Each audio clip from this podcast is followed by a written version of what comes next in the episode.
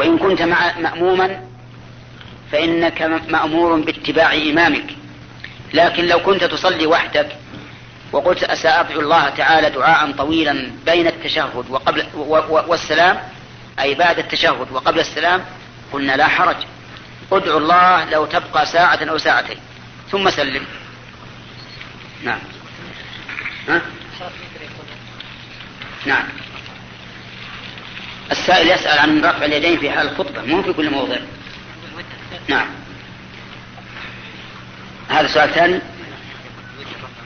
أي نعم. رفع اليدين في في القنوت في الوتر صحيح لأنه ثبت عن عمر رضي الله عنه أنه كان يرفع يديه في قنوت الوتر. نعم. الشيخ اعتاد أهل المدينة على أن ينتهوا من الأكل بعد أذان الفجر الأول؟ فهل هم على حق؟ بعد آذان الفجر الأول يعني بعد الأذان الأول ها؟ يعني قبل طلوع الفجر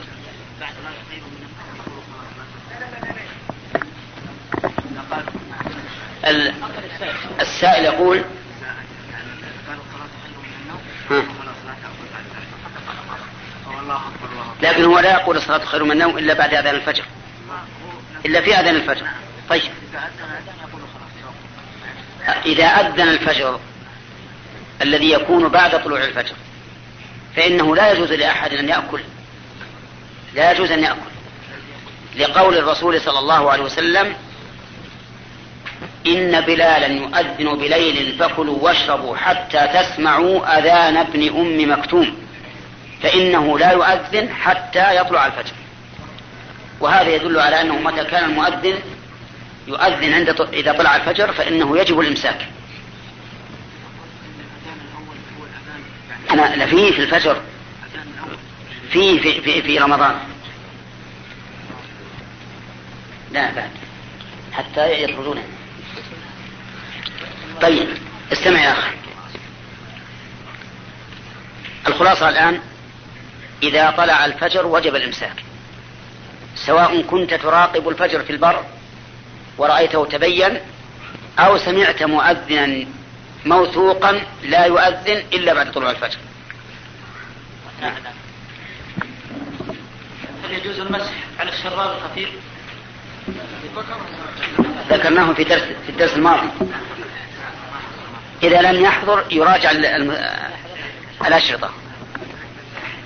فضيلة الشيخ ما حكم زيارة المساجد السبعة؟ وهل الرسول صلى الله عليه وسلم أخبر عنها؟ ليس هناك مساجد يشرع قصدها إلا المساجد الثلاثة. المسجد الحرام والثاني المسجد النبوي والثالث المسجد الأقصى والرابع مسجد قباء. نعم. لقوله تعالى لمسجد أسس على التقوى من أول يوم أحق أن تقوم فيه. لكن مسجد قباء لا تشد إليه الرحال إنما يقصد من المدينة. فإن الرسول صلى الله عليه وسلم كان يخرج إليه ويصلي فيه ورغب في الصلاة فيه إذا توضأ الإنسان في بيته وخرج متطهرا وصلى فيه ركعتين. وما عدا ذلك من المساجد فإنه لا يشرع قصده. والأصل في العبادات الأصل فيها الحظر حتى يقوم دليل على المنع. ولهذا كانت المساجد الثلاثة المسجد الحرام والمسجد مسجد النبي صلى الله عليه وسلم والمسجد الأقصى كانت الصلاة فيها أفضل من غيرها. ففي المسجد الحرام الصلاة فيه بمئة ألف صلاة أو خير من مئة ألف صلاة. يعني إذا صليت جمعة في المسجد الحرام خير من مئة ألف صلاة جمعة. كم سنة تصلي؟ إذا صليت مرة كم سنة تصلي؟ مئة ألف؟ اقسمها على خمس وخمسين لأن الغالب أن أن العام فيه خمس وخمسين جمعة. اقسموها. مئة ألف على خمس وخمسين. أين الحسابون؟ اكتب اكتب اكتب اقسم مئة ألف على خمسة وخمسين. ها؟ ألفين سنة؟ طيب. ما هي ما أظنها ألفين سنة. واجد ألفين سنة. لا لا. أنا أرجو أن لا تتخرصوا لأن المسألة مسألة علم ما هي خراص واحد منكم يكتب جزاه الله خير. مئة ألف على خمسة وخمسين.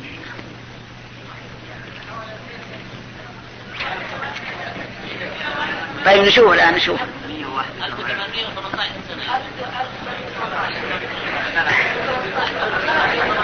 يا إخواني الحساب مسائل يقينية ما في أشكال ما تختلف هذا الاختلاف. كم؟ كم؟ طيب خلاص انت ما دام هذا معه آلة حاسبة انتهينا. معه آلة حاسبة وحسب بالآلة الآن. ما أحد يقول بعدها. ألف وثمانمائة وثمانية عشر سنة. يعني كيف جمعة؟ طيب. 1818 جمعة؟ كم تكون من, من عام؟ طيب الظاهر ما إحنا مدركينها إلا بعد. الصلاة في مسجد الرسول عليه الصلاة والسلام خير من ألف صلاة فيما عداه إلا المسجد الحرام. نعم. هذه هي التي يمكن أن تكون خمسين سنة.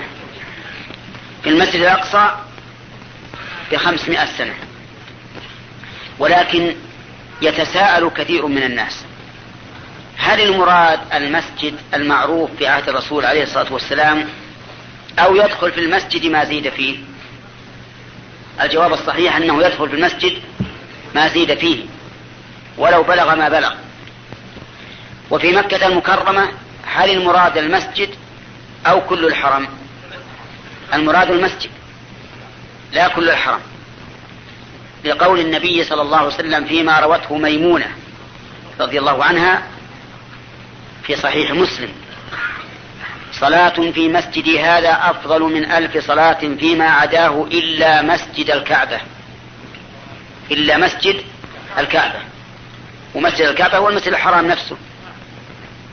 وفي بعض طرق حديث أبي هريرة لا تشد الرحال إلا إلى ثلاث مساجد مسجد الكعبة ومسجد هذا ومسجد إيليا. إلى اسم المدينة. وهذا يدل على أن التضعيف في مكة خاص في نفس المسجد. ولكن الصلاة في, المساجد الأخرى في مكة أفضل من الصلاة في مساجد الحل بلا شك. ودليل هذا أن الرسول صلى الله عليه وسلم في عمرة الحديبية نزل خارج الحرم وصار يصلي داخل الحرم. وهذا يدل على أن للصلاة مزية في الحرم على الصلاة في الحل لكنه لا يدل على خصوص المضاعفة بل المضاعفة لا تكون إلا في المسجد مسجد الكعبة كما قال ذلك رسول الله صلى الله عليه وسلم. نعم. الشيخ شاع بين الناس أن الله لا ينظر إلى الصف الأعوج. فهل هذا حديث؟ ثم ما حكم الصلاة في الصفوف المعجة والصفوف المقطعة وبين السواري خصوصا في هذا المسجد؟ هذا الحديث لا بعد البحث الشديد عنه ما رأيته منسوبا إلى رسول الله صلى الله عليه وسلم. وعلى هذا فلا يجوز لأحد أن يقول ذلك. إن الله لا ينظر إلى الصف الأعوج حتى يثبت هذا عن رسول الله صلى الله عليه وسلم. ولكن وقع من الرسول عليه الصلاة والسلام أنه كان يسوي الصفوف يسويها بيده كأنما يسوي بها القداح التي هي السهام. وكان يمسح صدورهم ومناكبهم عليه الصلاة والسلام. يمشي في الصف يمسح المناكب والصدور ويقول استووا ولا تختلفوا فتختلف قلوبكم. فلما رأى أنهم عقلوا عنه وعرفوا قام ذات يوم فالتفت فإذا رجل قد بدا صدره فقال عباد الله لتسون صفوفكم أو ليخالفن الله بين وجوهكم. شوف الوعيد لا يكون إلا على فعل محرم. ولهذا كان القول الراجح أن تسوية الصفوف واجب واجبة وأن عدم تسويتها محرم. لأنه لا وعيد إلا على ترك واجب. والوعيد ليس بالأمر الهين. قال فتختلف قلوبكم وإذا اختلفت القلوب والعياذ بالله واختلفت الوجهات تشتتت الأمة وتمزقت وتفرقت وصار كل واحد منها يحب لأخيه السوء بدل أن يحب له الخير. لأنه من المعلوم أن الذي يخالفني في وجهة نظري لا أمشي معه ولا ولا يكون هدفي هدف هدفه. فالمسألة خطيرة بارك الله فيكم ولهذا يجب تجب العناية في تسوية الصف. بقية السؤال. نعم. وأما الصفوف المقطعة فذلك خلاف السنة أيضا لأن النبي صلى الله عليه وسلم أمر بالتراصي في الصفوف. وقال من وصل صفا وصله الله ومن قطع صفا قطعه الله. وأما الصف بين السواري أي بين الأعمدة فإذا دعت الحاجة إلى ذلك لضيق المكان فلا بأس به. وإن لم تدع الحاجة إلى ذلك فإن الصحابة رضي الله عنهم كانوا يتوقون الصفوف بين السواري. وهم خير قدوة لهذه الأمة. فضيلة الشيخ ما حكم التكبير الجماعي في صلاة العيدين والتلبية الجماعية؟ نعم. أما التلبية فلا شك أن المشروع أن يلبي كل إنسان عن نفسه. لأن الصحابة رضي الله عنهم ذكروا أنهم كانوا مع الرسول صلى الله عليه وسلم فمنهم الملبي ومنهم المكبر ومنهم المهلل ويسمع بعضهم بعضا ولا كانوا يتفقون على شيء معين. وأما التكبير الجماعي في في أيام العيدين فالذي يظهر لي من السنة أن كل إنسان يكبر لنفسه ولا يكبرون جميعا لأنه لو كان التكبير الجماعي مشروعا لكان الصحابة ينصون على ذلك نصا صريحا بينا. وأما ما جاء في حديث ام عطية يكبر, يكبر النساء, النساء بتكبيرهم فالمراد أنهم يكبرون مع التكبير لا بصوت واحد لأن النساء من المعلوم أنهم أنهن لا يرفعن أصواتهن وإنما يكبرن سرا وعلى هذا فيكون ظاهر السنة في التكبيرات في, في انتظار صلاة العيد أن كل إنسان يكبر لنفسه. الشيخ هل الدم نجس؟ هل ذهاب العقل بالخمر غير ناقض الوضوء؟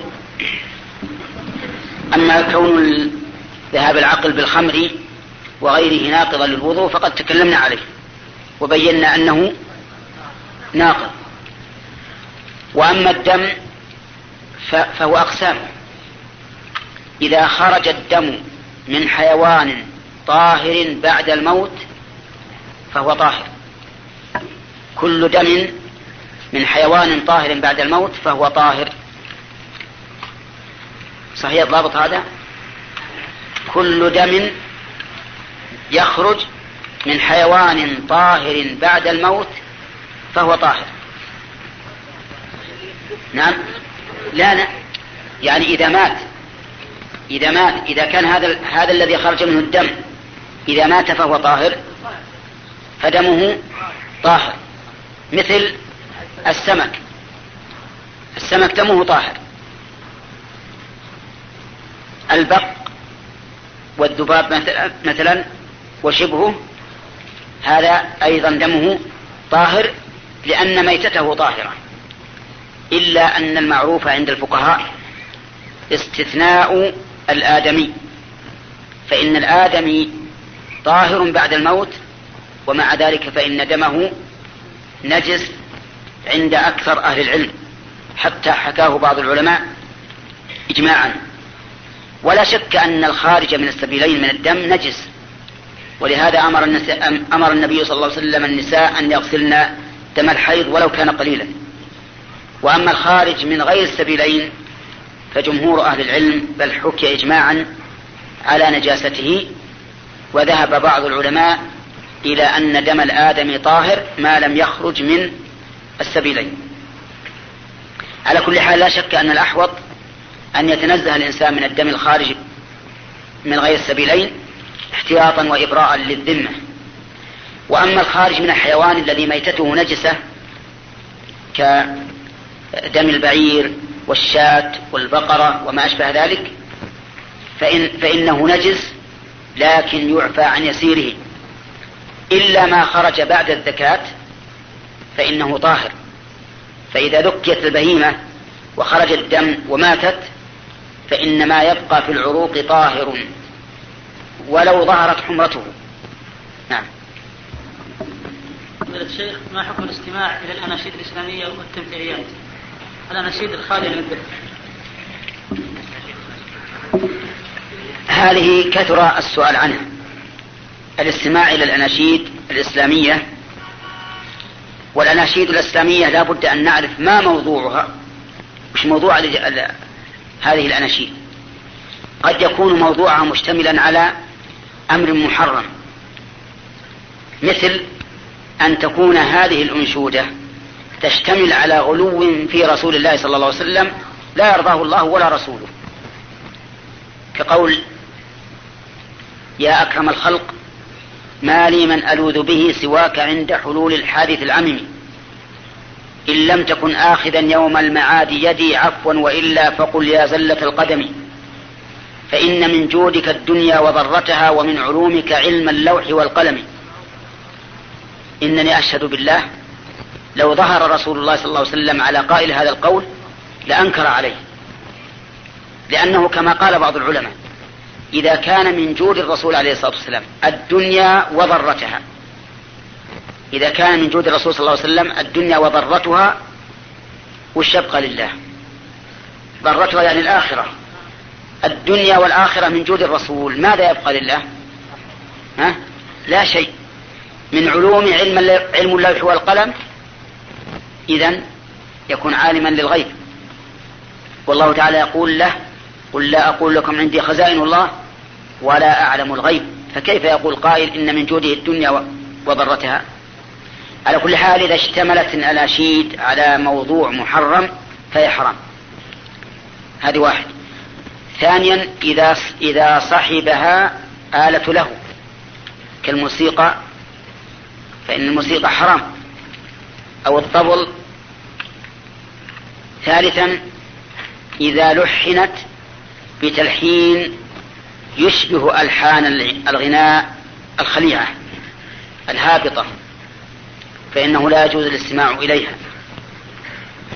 رابعا إذا شغلت الإنسان عن الاتعاظ بالكتاب والسنة بأن كان قلبه لا يلين إلا إذا استمع إليها. وإذا استمع إلى آيات الله وإلى كلام رسول الله لم لم يتحرك له ساكن ولكن إذا استمع إلى هذه الأناشيد الأناشيد فقد ملكت قلبه فهذا يجب عليه أن يعرض عنها لينتفع بما في القرآن والسنة من المواعظ. فإذا انتفت هذه المحظورات فإنه لا بأس بها ولا حرج في الاستماع إليها. نعم. نعم. أما بالتمثيلية أما التمثيليات فالتمثيليات أيضا نقول فيها كما قلنا في هذه. إن اشتملت على شيء محرم فهي حرام وإن لم تشتمل على شيء محرم فليس بها بأس. فضيلة الشيخ تختلف آراء طلبة العلم في السنة, في السنة النبوية من حيث الاستحباب والوجوب. ما هو الفرق بينهما وما ضابطها؟ وما هو ضابط السنة الفعلية؟ أما السنة الفعلية فإنها في الحقيقة أقسام. يعني فعل الرسول صلى الله عليه وسلم أقسام. القسم الأول أن يكون بيانا لمجمل في القرآن. أن يكون بيانا لمجمل في القرآن. فهذا على حسب ذلك النص المبين. ذلك النص المبين. إن كان واجبا فالفعل واجب. إن كان مستحبا فالفعل مستحب. ثانيا أن يفعله على سبيل التعبد غير مقرون بالقول. فهذا مستحب وليس بواجب. مثاله كون الرسول عليه الصلاة والسلام إذا دخل بيته فأول ما يبدأ به الطواف السواك. أول ما يبدأ به السواك نقول هذا سنة وليس بواجب لأن الفعل المجرد عن القرائن يفيد الاستحباب دون الوجوب. ثالثا ما فعله على سبيل العادة. فالسنة فيه اتباع العادة. لا اتباع العادة في عهد الرسول صلى الله عليه وسلم. انتبه لهذه النقطة. ما فعله على سبيل العادة فالسنة فيه اتباع العادة. لا العادة التي كانت معروفة في عهد الرسول عليه الصلاة والسلام. لأن موافقة العادة هي التي فعلها الرسول عليه الصلاة والسلام. مثال ذلك الإزار والرداء.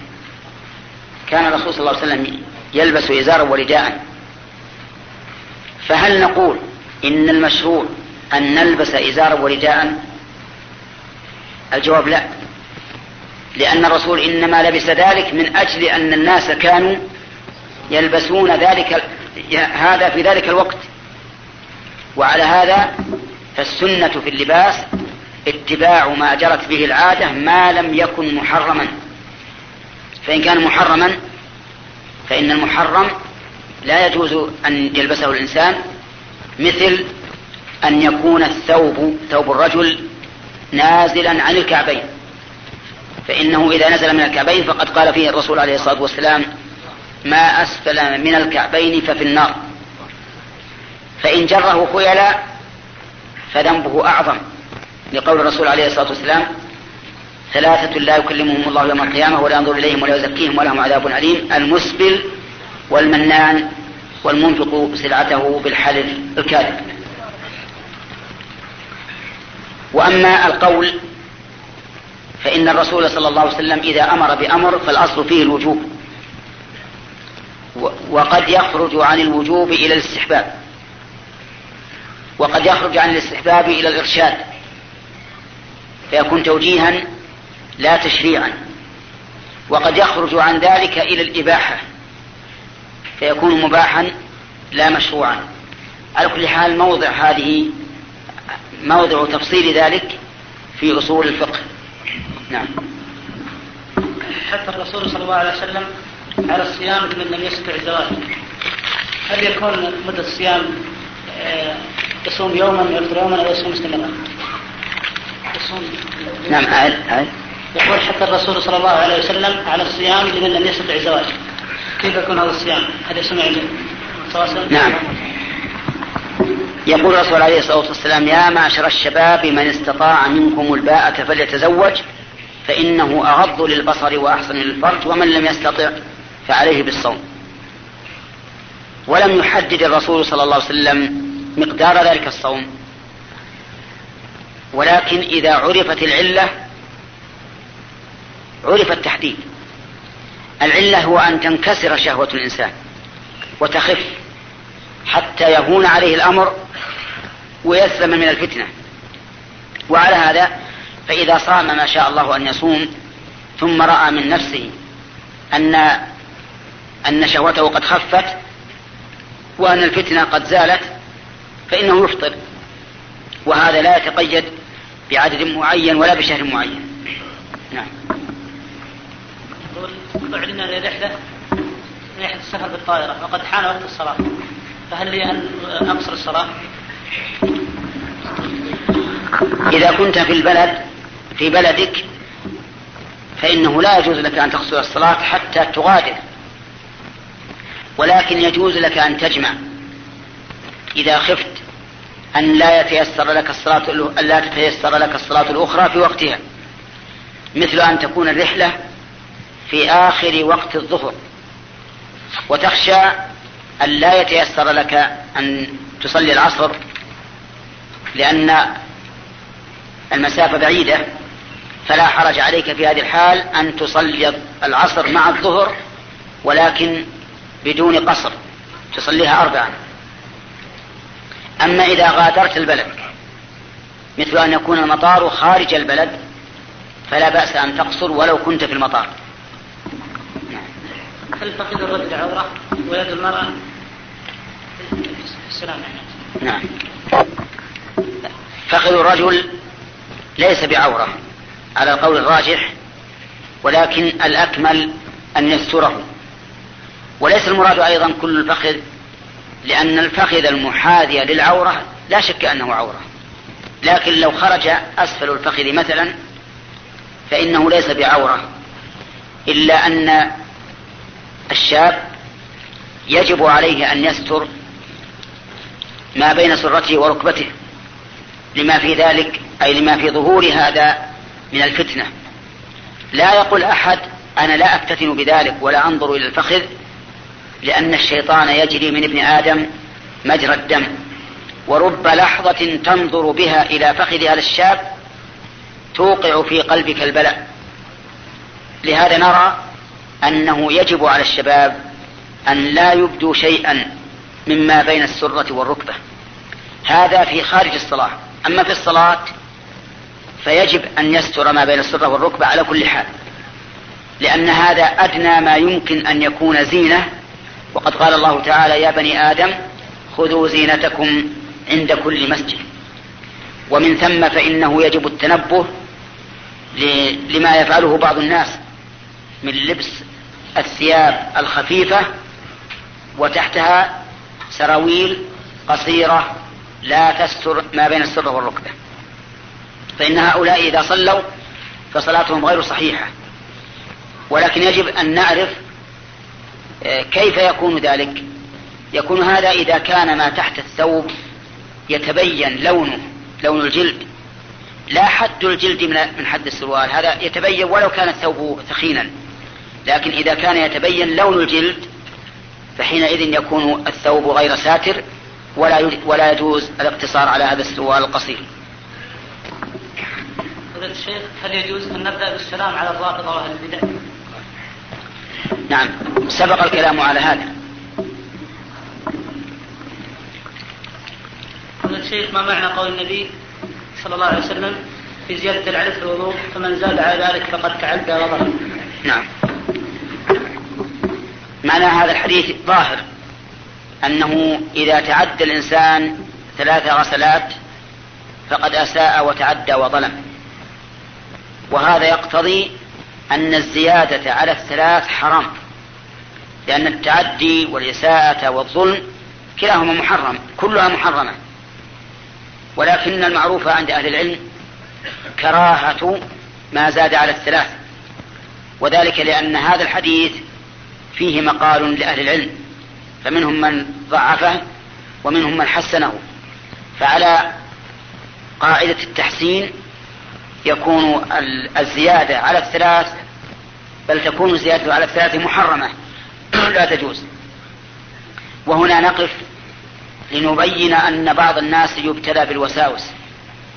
فتجده يتوضأ ويغسل العضو مرة ومرتين وثلاثا وأربعا ويقول له الشيطان الذي ابتلي به والعياذ بالله إنك لم تسبغ الوضوء.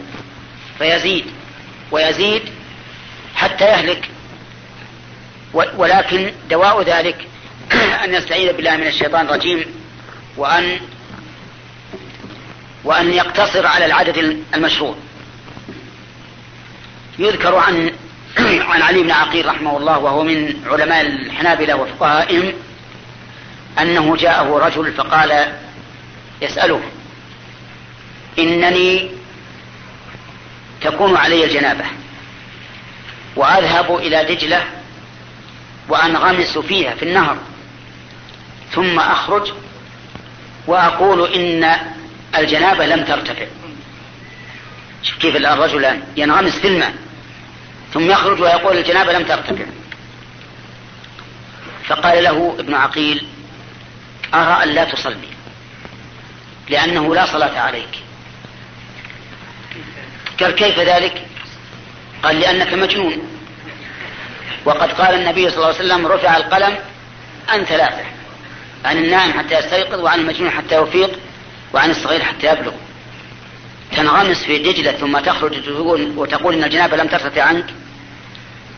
وهكذا نسأل الله لي ولكم السلامة. هكذا من ابتلي بالوسواس. يكون كالمجنون يغسل مرتين وثلاثا وأربعا وخمسا ثم يقول لم يرتفع الحدث ودواء ذلك كما قلت أن تقتصر على. على المشروع ثم تمسك حتى لو قال لك الشيطان إنك ما تطهرت أو ما قمت بالواجب فدعه ولا تلتفت إليه. الشيخ لماذا نرد على من يقولون إن كلمة الله الله موجود على وزن مفعول؟ هذا ليس فيه شيء لأن موجود هذا في الصيغة فقط وليس موجود هنا بمعنى موجد. لو كانت بمعنى موجد ما صح لأن يقتضي أن يكون أحد خلقه. أما من الموجود بمعنى أن أنه كائن فهذا ليس فيه شيء. ولا يدل على أنه على الحدوث بعد العدم إطلاقا. نعم. هل يجوز إطلاق أسماء الله على الأشخاص؟ هذه فيها تفصيل. إذا أطلق اسم الله على شخص مريدا به المعنى فهذا لا يجوز لأنه يكون قد شبه الله شبه الخلق بالخالق. فمثل إذا أراد بالحكيم أنه ذو حكمة فإن ذلك لا يجوز. ولهذا لما جاء رجل إلى الرسول عليه الصلاة والسلام يكنى أبا الحكم. سأله لماذا كان يكنى بذلك؟ فقال إن قومي إذا اختصموا في شيء تحاكموا إلي فحكمت بينهم فرضي كلا الفريقين. فقال الرسول صلى الله عليه وسلم إن الله تعالى هو الحكم وإليه الحكم. يعني ولا تقول أبا الحكم. فما, فما لك من الولد؟ قال لي فلان وفلان وفلان. قال فمن أكبرهم؟ قال شريح. قال فأنت أبو شريح. فإذا نقول إذا قصد الإنسان بالاسم المعنى فإنه لا, لا يجوز. أما إذا قصد مجرد العلمية فلا بأس بذلك. ولهذا نجد اسم الحكم واسم حكيم من أسماء الصحابة رضي الله عنهم. ما ما نبغى نجده من أسماء الصحابة ولم يغيره النبي صلى الله عليه وسلم. نعم. فضيلة الشيخ هل يجوز لنا في صلاة الجنازة رفع اليدين بالتكبير؟ لعل السائل يريد هل يشرع لنا. ونقول نعم. يشرع للإنسان أن يرفع يديه في تكبيرة الجنازة مع كل تكبيرة لأن هذا صح عن ابن عمر موقوفا بل صح عنه مرفوعا عند بعض أهل العلم. ومن قال إنه لا يرفع إلا في التكبيرة الأولى فقوله ضعيف لأنه ضعف حديث ابن عمر المرفوع. ونحن نقول على فرض أن المرفوع ضعيف فإن هذه عبادة لا يمكن أن يفعلها ابن عمر رضي الله عنهما إلا بتوقيف. ففعله هذا له حكم الرفع. لأن المعروف عند علماء الحديث أن ما قاله الصحابي أو فعله مما لا مجال للاجتهاد فيه فله حكم الرفع. وعلى هذا فالمشروع للإنسان أن يرفع يديه في كل تكبيرة مع كل تكبيرة من تكبيرات الجنازة. الشيخ قلت البارحة قاعدة. النص إذا ورد لا يضاف إليه أي قيد إلا بدليل. ما تقول جزاكم الله خيرا في قوله تعالى وربائبكم اللاتي في حجوركم. وهم يقولون بعدم هذا القيد. ومثل ذلك كثير نحو قوله تعالى ومن قتله منكم, منكم متعمدا فجزاء مثل ما قتل النعم نعم. هذا الذي أو هاتان الآيتان اللتان ذكرهما السائل على العكس مما قلنا. لأننا نقول إذا ورد النص مقيدا مطلقا فإنه لا يقيد إلا بدليل. أما هاتان الآيتان اللتان ذكرهما ففيهما قيد لكنه غير معتبر. قيد لكنه غير معتبر. وصحيح أننا نقول إذا ورد القيد فالأصل أنه معتبر. هذا الأصل. إذا ورد القيد فالأصل أنه معتبر. فلننظر إلى الآية الأولى. الآية الأولى هي قوله الأخ. ما تحفظها وذكرها نعم. قف. أي نعم. قوله تعالى وربائبكم اللاتي في حجوركم من نسائكم اللاتي دخلتم بهن فإن لم تكونوا دخلتم بهن فلا جناح عليكم. أين القيد الذي ليس بمعتبر؟ لأنه, لأنه قال من نسائكم اللاتي دخلتم بهن وقال ربائبكم اللاتي في حجوركم ما هو القيد الذي ليس بمعتبر؟ اللاتي في حجوركم طيب اسمع هذا القيد اللاتي في حجوركم اختلف العلماء فيه فمنهم من قال إنه قيد معتبر وأن الربيبة لا تحرم على على زوج أمها إلا إذا كانت في حجر الزوج. لقوله إيش؟ اللاتي في حجوركم وعلى هذا القول فإذا تزوج الإنسان امرأة ولها بنت من غيره ولكن هذه البنت عند أبيها لم تكن في حجر زوج أمها فإنها لا تحرم على هذا الزوج لأنها ليست في حجره. وهذا ذهب إليه طائفة من من العلماء من السلف والخلف. ومن العلماء وهم الجمهور من يرى أن هذا القيد ليس بشرط. ويستدل لذلك بأن الله تعالى قال انتبهوا معي قال وربائبكم اللاتي في حجوركم هذا قيد. من نسائكم اللاتي دخلتم بهن هذا قيد آخر. ثم قال فإن لم تكونوا دخلتم بهن فلا جناح عليكم. فذكر مفهوم القيد الثاني القاضي بالحل دون مفهوم القيد الأول وهو قول اللاتي في حجوركم.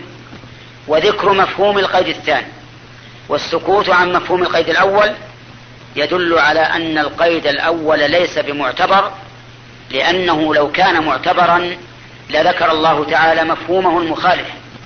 لقال مثلا فإن لم يكن في حجوركم ولم تكونوا دخلتم بأمهاتهن فلا جناح عليكم. ولما لم يذكر إلا ذلك علم أن قوله اللاتي في حجوركم قيد لا مفهوم له لأنه صفة كاشفة تدل على الواقع غالبا والواقع غالبا أن الربيبة تكون بحجر زوج أمها لأنها تبع لأمها في الغالب. أما الآية الثانية وهي قوله تعالى ومن قتله منكم متعمدا في الصيد فجزاء مثل ما قتل من النعم. فالقول الراجح بلا شك أن أن هذا القيد معتبر وأن الإنسان لو قتل صيدا وهو محرم بغير عمد فلا شيء عليه. ليس عليه إثم وليس عليه جزاء. بل نقول عبارة عامة.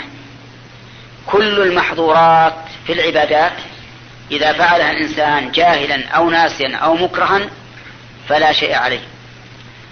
حتى لو فرض أنه جامع في نهار رمضان جامع زوجته في نهار رمضان ناسيا أو جاهلا أو كانت المرأة مكرهة فإنه لا إثم ولا كفارة. وكذلك الصيد. لو قتله المحرم ناسيا أو جاهلا أو مكرها فلا جزاء عليه ولا إثم. شيخ ما رأيكم هذه الأسماء؟ محسن وخالد وأبرار وعبد المهدي وعبد المطلوب. نعم. نعم أقول كلمة محسن كما ذكرنا أولا. إذا قصد الإنسان بها الاسم والصفة فإنه لا يسمى بها. أما إذا قصد مجرد العالمية مجرد العالمية فلا بأس بذلك. والغالب أن الإنسان يقصد مجرد العالمية لأنه يسميه محسنا وهو لم يحسن بعد. ولا يكره هل يكون من المحسنين أم من المسيئين. وكذلك الثاني يقول إيش؟ وخالد كذلك لا بأس به. وقد كان خالد بن الوليد يقاتل بين يدي رسول الله صلى الله عليه وسلم. وسماه سيفا سيف الله. فلا بأس بكلمة خالد ولا بأس بكلمة صالح نعم لأن هذا المقصود به مجرد العالمية فقط. نعم. وأما أبرار فقد غير النبي صلى الله عليه وسلم اسم برة إلى زينب. وإذا كانت برة وهي واحدة تغير فما بالك بأبرار؟ فليغير هذا الاسم. نعم. أما عبد المطلب فلا يجوز. وذلك لأن التعبيد لا يجوز إلا لله. فلا يجوز أن تسمي عبد النبي ولا عبد الرسول ولا عبد الكعبة ولا عبد المطلب ولا غير ذلك. مما يعبد لغير الله عز وجل. فإن قال قائل أليس قد ثبت عن النبي صلى الله عليه وسلم أنه قال أنا ابن عبد المطلب؟ فالجواب بلى ثبت ذلك عنه لكنه لم يسم بعبد المطلب إنما أخبر عن اسم كان وزاد. ولو فرض أن رجلا كان له والد يسمى عبد المطلب أو يسمى عبد النبي أو ما أشبه ذلك والد سابق وقال أنا فلان ابن عبد النبي أو ابن عبد المطلب. فهذا ليس فيه بأس لأنه لم ينشئ التسمية وإنما أخبر عن شيء مضى وانقضى. ولهذا نجد أن الرسول عليه الصلاة والسلام لم يغير عبد المطلب ولا عبد مناف وأظن أيضا ولا عبد شمس وذلك للسبب الذي ذكرت أنه من باب الإخبار وليس من باب التسمية والإنشاء. الشيخ هل القول المشروع في الصلاة في غير محله يلزم أو يلزم سجود السهو كقول كقراءة الفاتحة في التشهد والعكس؟ إذا أتى الإنسان بقول مشروع في غير موضعه مثاله الأخ أنت قف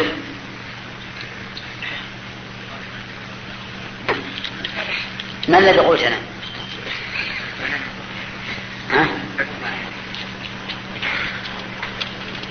يقول العلماء لا ينال العلم براحة الجسم. يعني لا بد لنيل العلم من تعب. ها؟ فكيف بالإنسان الذي يتلهى عن إدراك العلم؟ طيب ما الذي قلت؟ استمع إلى أخيك. نعم.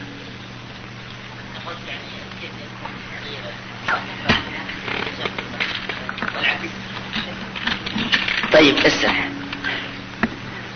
ماذا قلت؟ الذي يأتي بذكر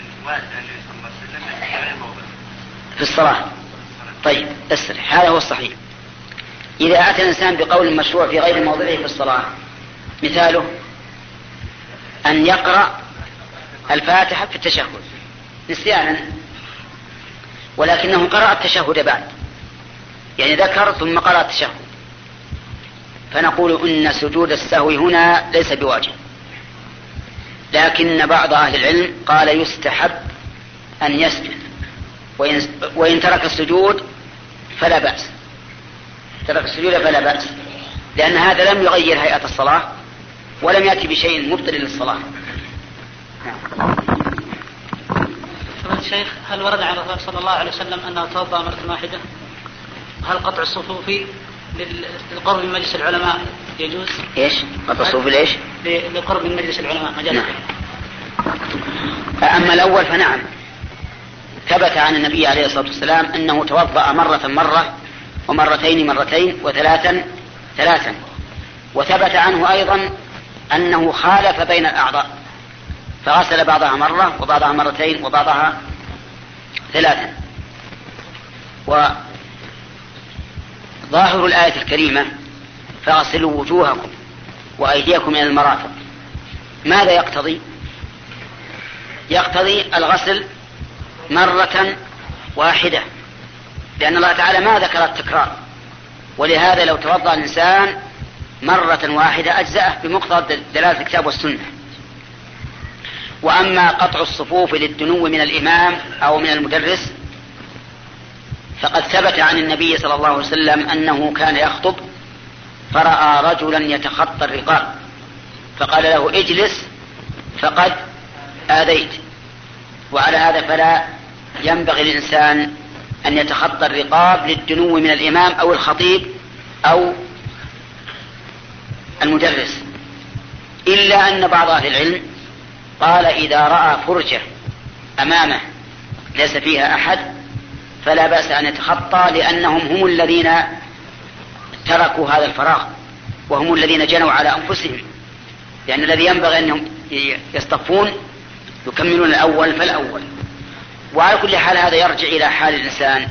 إذا كان سيأتي بهدوء ويستأذن ممن يمر من عنده ويعرف أن أمامه فرجة فلا بأس. أما إذا كان سيأتي بعنف ولا يستأذن ولا يبالي ويضرب أكتاف الناس وربما يضرب رؤوسهم أو ظهورهم من غير مبالاة فلا شك أن هذا عيدا وأنه قد يأثم بذلك أكثر مما يؤجر. الشيخ الإيمان في القلب كلمة يرددها العصاة إذا نصحناهم بإعفاء اللحية.